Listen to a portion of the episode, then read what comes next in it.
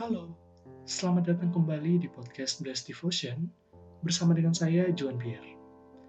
Pada episode kali ini, saya rindu untuk membagikan sebuah perenungan firman Tuhan yang telah terlebih dahulu memberkati kehidupan saya, yaitu tentang The Upside Down Kingdom atau kerajaan yang terbalik. Renungan ini diambil dari Matius 20 ayat 20 sampai 28 permintaan ibu Yakobus dan Yohanes, bukan memerintah, melainkan melayani.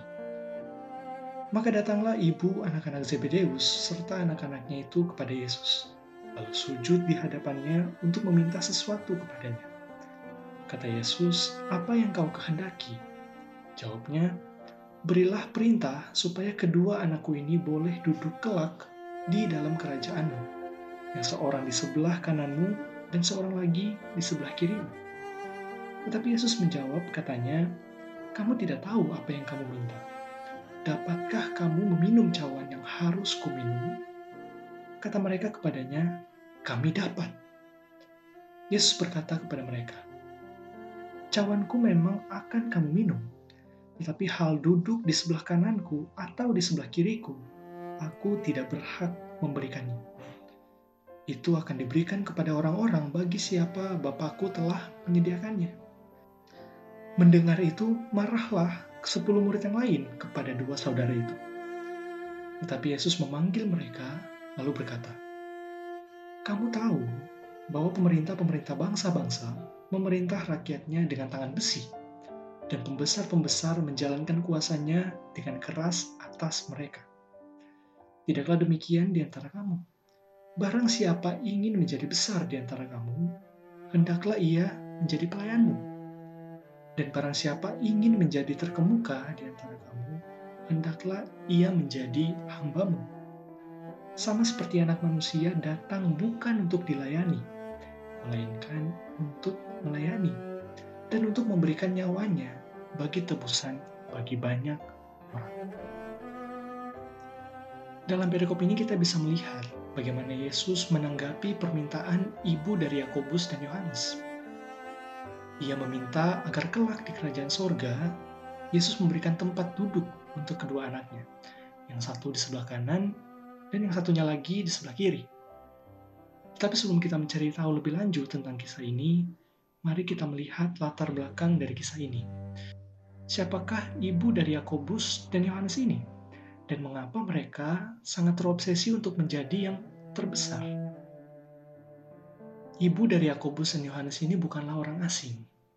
Dalam narasi kematian Yesus, kita dapat mengetahui bahwa ibu ini ada bersama-sama dengan wanita-wanita yang berdiri di dekat salib Yesus.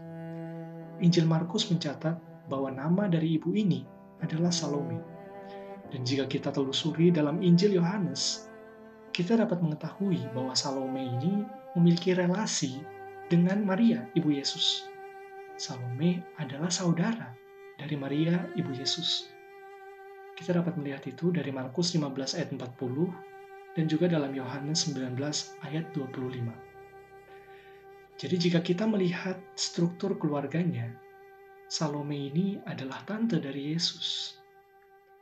Salome menunjukkan rasa hormatnya kepada Yesus namun pada saat yang bersamaan, ia ingin mengambil keuntungan dari kekerabatannya dengan Yesus. Dalam Injil Markus kita bisa melihat sedikit perbedaan dari kisah ini. Dicatat bahwa Yakobus dan Yohanes sendiri yang mengajukan permintaan tersebut kepada Yesus. Hal ini menunjukkan bahwa keinginan untuk menjadi besar itu bukan hanya keinginan ibu Yakobus dan Yohanes, tetapi juga merupakan keinginan dari mereka semua. Dan Salome tidak sedang mendorong anak-anaknya untuk menjadi seseorang yang mereka tidak ingini. Itu adalah keinginan mereka semua. Permintaan ini kemungkinan terinspirasi dari perkataan Yesus dalam Matius 19 ayat 28 di mana Yesus menunjukkan peranan para murid yang telah mengikuti Yesus bahwa mereka akan duduk di atas 12 tahta untuk menghakimi 12 suku Israel.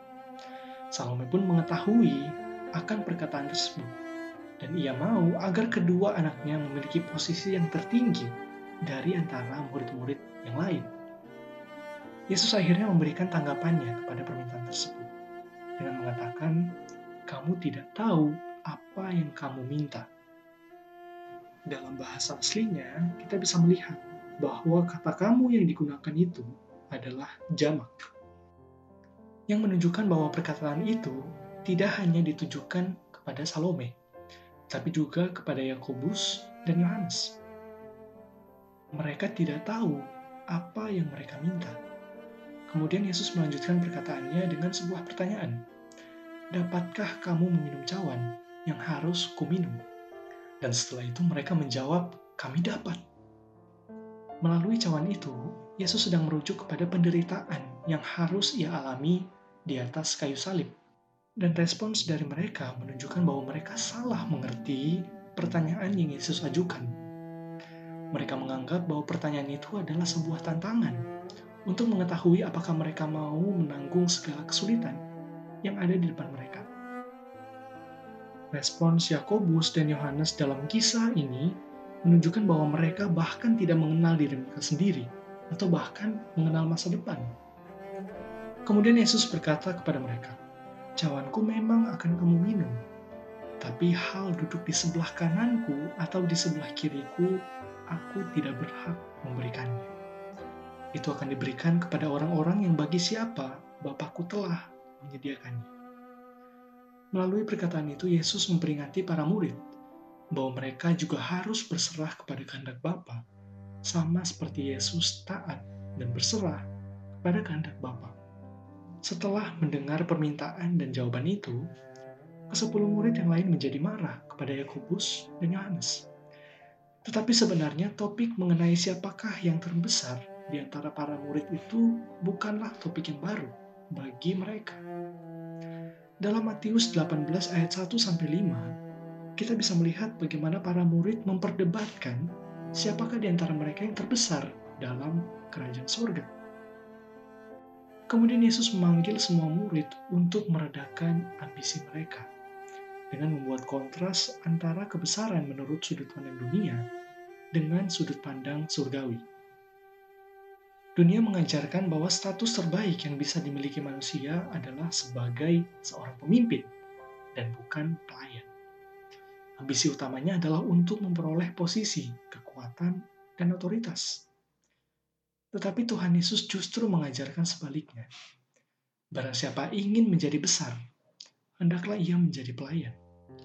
Barang siapa ingin menjadi yang terkemuka, hendaklah ia menjadi hamba Menurut kacamata dunia, menjadi hamba adalah status yang paling rendah. Tetapi Yesus mengajarkan bahwa tujuan hidup anggota-anggota kerajaan Allah adalah untuk memberikan diri mereka sendiri untuk melayani orang lain. Contoh terbaik yang diberikan kepada para murid adalah kehidupan Yesus sendiri. Meskipun ia adalah Mesias anak Allah, tetapi ia dengan rela datang ke dunia ini untuk memberikan nyawanya menjadi tebusan bagi banyak orang. Inilah yang disebut sebagai kerajaan terbalik, di mana yang paling rendah adalah yang terkemuka, dan di mana yang paling kecil adalah yang paling besar. Yesus rela memberikan nyawanya untuk menyelamatkan saya dan saudara. Oleh karena itu, sebagai orang-orang yang telah ditebus oleh Kristus, marilah kita menunjukkan kasih kita kepada sesama melalui pelayanan kita dengan hati yang tulus, karena itu merupakan salah satu bentuk pelayanan kita kepada Tuhan. Ada sebuah konsep yang disebut sebagai hedonic treadmill atau hedonic adaptation. Itu merupakan kecenderungan yang dimiliki oleh manusia untuk kembali ke tingkat kebahagiaannya yang semula atau yang stabil dalam keadaan yang positif atau negatif. Misalnya ketika seseorang membeli mobil yang baru, maka ketika ia pertama kali mengendarai mobil tersebut, ia akan merasa terkesan akan betapa bagusnya mobil itu. Namun lama-kelamaan perasaan itu akan hilang. Mobil yang tadinya mewah itu sekarang sudah tidak begitu mengesankan lagi. Akhirnya untuk memenuhi keinginannya untuk bahagia, orang itu harus memiliki mobil yang lebih baru lagi, lebih mahal, lebih mewah, Akhirnya ketika ia mendapatkan mobil yang lebih baru lagi, keinginannya untuk bahagia itu terpenuhi, tetapi hanya sementara. Itu adalah siklus yang terus-menerus terulang dan tidak akan pernah habis. Banyak orang menghabiskan hidupnya untuk mencari kebahagiaan yang sementara. Ironisnya, bahkan ketika mereka sampai ke titik tersebut, keinginannya untuk bahagia itu tetap tidak terpenuhi. Akhirnya seluruh hidup mereka dihabiskan untuk mencari kebahagiaan yang semu. Kita patut bersyukur karena Kristus telah memberikan tujuan hidup yang benar kepada kita melalui firman-Nya.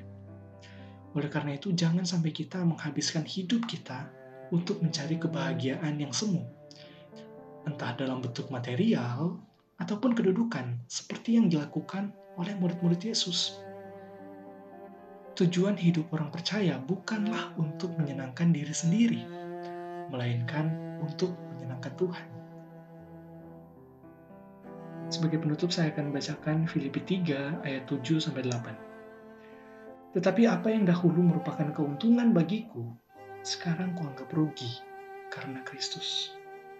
Malahan segala sesuatu kuanggap rugi karena pengenalan akan Kristus Yesus Tuhanku lebih mulia daripada semuanya oleh karena dialah aku telah melepaskan semuanya itu dan menganggapnya sampah, supaya aku memperoleh Kristus.